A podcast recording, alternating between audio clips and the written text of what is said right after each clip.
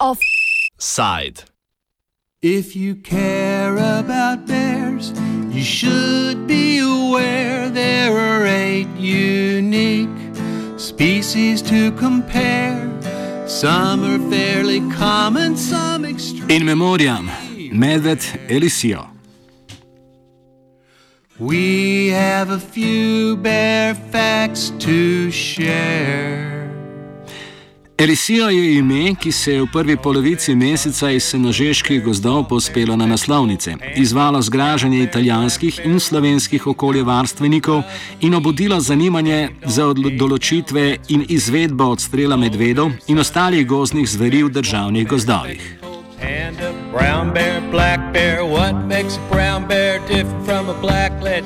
Slabih 150 kg težkega medveda Elisija, opremljenega sledilno napravo, je v času raziskave Univerze v Vidmu ustrelil slovenski lovec, pri čemer naj bi na koncu italijanskim raziskovalcem vrnil le ovratnico.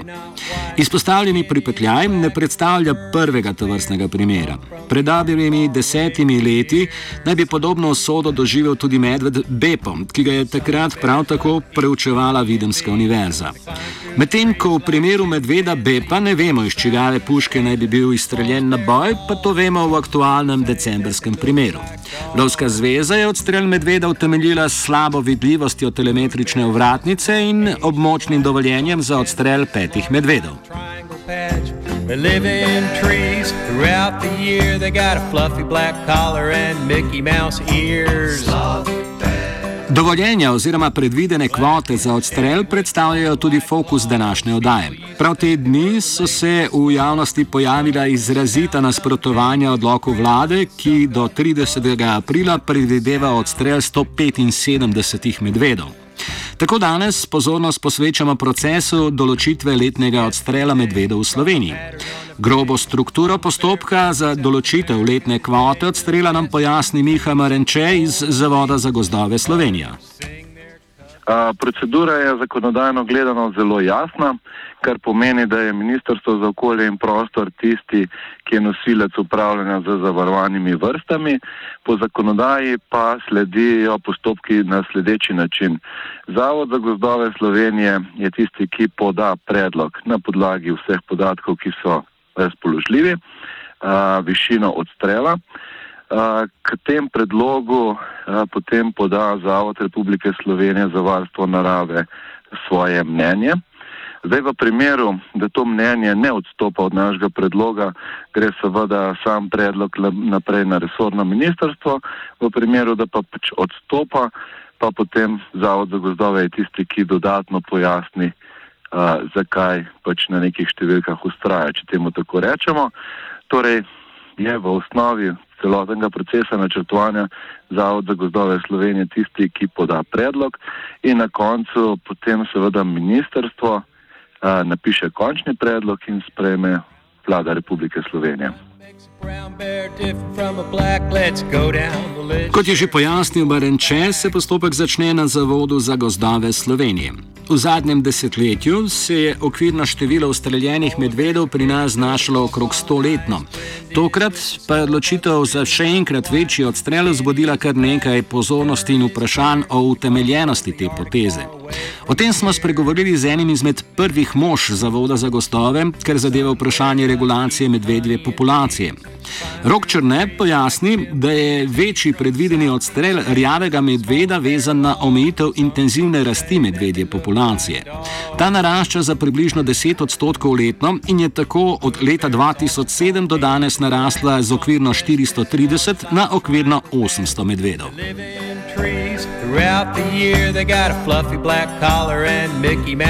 Pri štetju medvedov sodelujejo Zavod za gozdove, Lovska zveza Slovenije in Biotehnička fakulteta. Več o tem, kako poteka postopek štetja, pojasni Črne. Kako to poteka? Tle je ključno, da se zbere veliko število iztrebkov, na podlagi katerih se potem lahko naredi genetske analize. V to zbiranje iztrebkov so vključene Lovska zveza, Zavod za gozdove, se pravi glavnino iztrebkov mi izberemo, analiza je, kot sem rekel, na biotehnički fakulteti. Poleg tega se pa pol populacijo spremlja tudi vsako letno na stalnih števnih mestih. To so pa lokacije, kjer se za medvede polaga tudi krma. Teh lokacij je okrog uh, 160 in se trikrat letno od 6 zvečer do 12 po noči gleda in zabeleži kaj se vidi oziroma koliko medvedov, medvedk z mladiči in tako naprej. Te podatke zbirata skupaj Lovska zveza pa Zavod za gozdove in to je pa nek še drug vir informacij, ki ga imamo, da vemo, kaj se dogaja s populacijo. Poleg tega pa jemljemo tudi zobe in te zobe pošljemo na zbrušenje v Ameriko in na podlagi tega lahko ugotovimo starost medvedov in ti podatki potem tudi pri, pri, prilagajajo pri modeliranju uh, populacije, da lahko ugotovimo, kakš, kako se giblje populacija tudi izven teh uh, rednih šteti. Imamo v bistvu različne vhode, da potem ugotavljamo, koliko medvedov je. Ni sem podlaga samo en, en uh, en vir, se pravi, da bi bila samo genetika ali pa samo štetje ali pa samo te zbruske, ampak se te, uh, se te podatke združi in na podlagi tega uh, potem naredi, kako se populacija giblje trende. Pri določitvi odstrela medvedov po besedah Črneta namenjajo posebno pozornost javnemu mnenju. Zavod za gozdove je v medvedi najpogosteje poseljenih območjih v Sloveniji izvajal ankete med lokalnim prebivalstvom. To populacija, kot sem že prej povedal, kako se giblje, populacija raste. Uh, od 2007 smo imeli 430 medvedov, do zdaj ocenjujemo tam na okrog 800, ne, se pravi, vemo, da je populacija rasla. In v tem obdobju je bil odstrel medvedov okrog 100. Ne, se pravi, ta odstrel je, je bil nižji od prirastka in populacija se je relativno hitro večala. Ne ta rast, ta rast populacije zaznavamo že dalj časa, nekako eh, najmanj medvedov je bilo nekje po prvi svetovni vojni, ocenjuje se na okrog 40, potem po drugi svetovni vojni okrog 160 in zdaj smo na teh uh, eh, 800. In v okviru DINALP BER projekta smo, raz, smo naredili tudi javno mnenjsko raziskavo, v okviru katere smo vprašali ljudi, ki dejansko sobivajo z medvedom na območjih notranske kočevske, kakšen je njihov odnos do medveda, kaj menijo o medvedih. In njihov odnos do medveda je bil zelo pozitiven, se pravi, so ga sprejemali, so veseli, da ga imajo v okolju ampak mnenje je pa bilo uh, velike, velike večine, da se pa populacija nikakor ne sme povečati, ker medvedi že pogosto zahajajo tudi v uh, naselja in imajo ljudje s tem uh, težave. E, če pogledamo malo širš v Evropi, ne, kaj se je v preteklosti dogajalo, če ljudje nismo sprejeli medveda, smo ga iztrebali ne, in na tak način je izginil iz večjega dela Evrope. Zato mislimo, da je mnenje tega prebivalstva, ki sobiva z medvedom, zelo pomembno, ključno ga je upoštevati in če menijo, da je ta neka nosilna kapaciteta dosežena, mislimo, da je to treba upoštevati, ob tem, da se zavedamo, da imamo na Kočevskem pa notranskem eno največjih gostot medvedov v Evropi, če ne celo na svetu.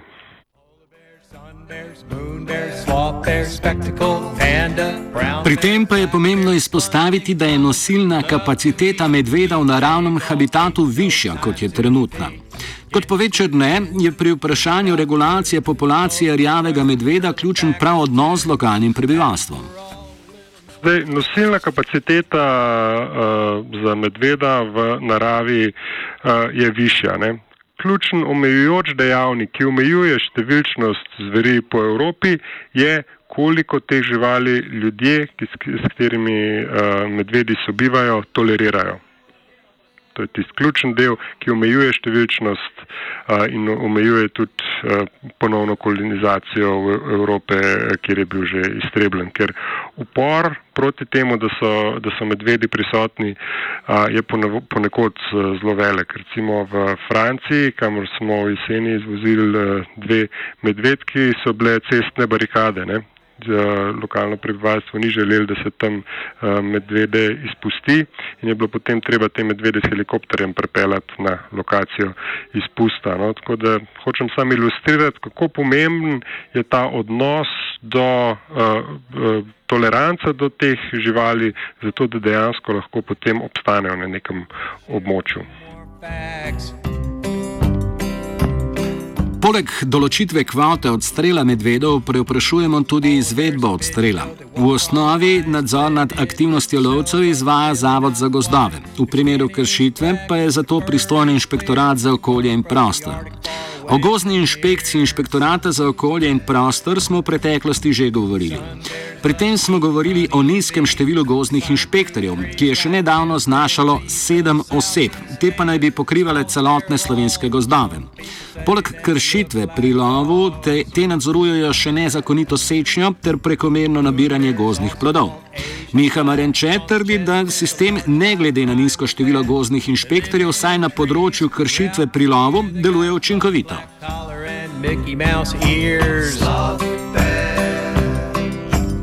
Zavod za gozdove šteje 14 območnih enot, pri čemer vsaki enoti pripada vsaj ena oseba, ki je zadolžena za nadzor lova. Več od nadzorovanja lova pojasni Črnem, ki med drugim izpostavlja, da si z omejitvami lova prizadevajo za ohranjanje naravne strukture medvedje populacije. V Sloveniji imamo zelo strok nadzor nad temi odzetimi medvedi in tudi zelo uh, načrtovana na načrtovan odzem gre po težnostnih kategorijah. Ne, se pravi, večina medvedov uh, odzetih iz narave je težkih do 100 kg, potem imamo od, uh, od 100 do 150 kg in pa nad 150 kg. Uh, s tem želimo v naravi ohraniti naravno strukturo populacije, uh, da ne bi prišlo recimo do odzema samo nekih trofejnih uh, uh, živali um, in pa tega, ampak da se ohranja uh, struktura medvedov v naravi takšna, kot bi bila neka v nekih naravnih uh, razmerah. Uh, se pravi, Zavod za gozdove, če je odstreljen nek medved, se to sporoči Zavodu za gozdove. Predstavnik Zavoda za gozdove pride na teren, odzame genetski vzorc tega medveda in opravi meritve, in odzame zob, ki sem prej že omenjal, za iz, izbrušenje in izpolne se nek obrazec, katerim, katerim so, na katerem se prav vse te meritve in to gre potem v bazo, v okviru katere spremljamo, koliko medvedov gre iz populacije. Zdaj, inšpekcijo se pa vključi samo v primeru, da mi zaznamo neko kršitev. Naprimer, če je nekje do, dovoljenje za odstrel do 100 kg in bi naš predstavnik prišel na teren in ugotovil, da je tisti eh, medved težek 200 kg. V tem primeru bi prišla pa in, inšpekcija in bi bila tudi uh, izdana kazen. Še enkrat višja številka odstrela, kot smo jo bili vajeni zadnja leta, pa je izvala tudi ostre odzive okoljevarstvenih skupin. Okoljevarstvena organizacija Alpe Adria Green izpostavljenemu odloku očita, da je ta v nasprotju s petim členom ustave, zakonom o ohranjanju narave in direktivo o habitatih.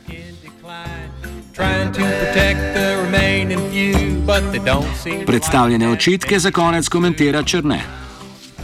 To habitatno direktivo si lahko zelo uh, različno interpretirajo ljudje. No, To je potem na koncu stvar odločitve sodišča, je taka stvar v, v skladu uh, zakonodajo ali pa ne.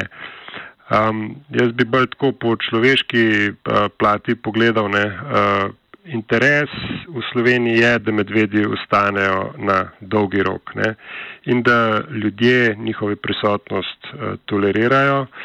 Um, in samo tako bo zagotovljeno dolgoročno varstvo. Ne. Če bomo preveč zašli v neko skrajnost, se lahko to potem na dolgi rok uh, medvedom tudi obrne uh, v nasprotje, če recimo prihajamo do nekih, uh, da bi se začeli živali strupiti ali pa da bi ilegalno, zdaj govorim, ali pa ilegalno posegati v populacijo. Zato na Zavodu za gozdove zagovarjamo nek urejen sistem, ki na dolgi rok neko ravnovesje vzpostavlja, ne nekih skrajnih rešitev. No.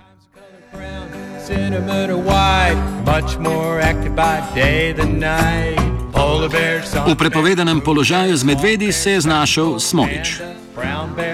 Bear, one thing in common, they love to eat. We've named all eight, but no time to repeat. We're getting to the end, just about through. Hope you learned a little fact or two. Perhaps we're all a little more aware about the fascinating creatures that we call bears. Thought about the gummy.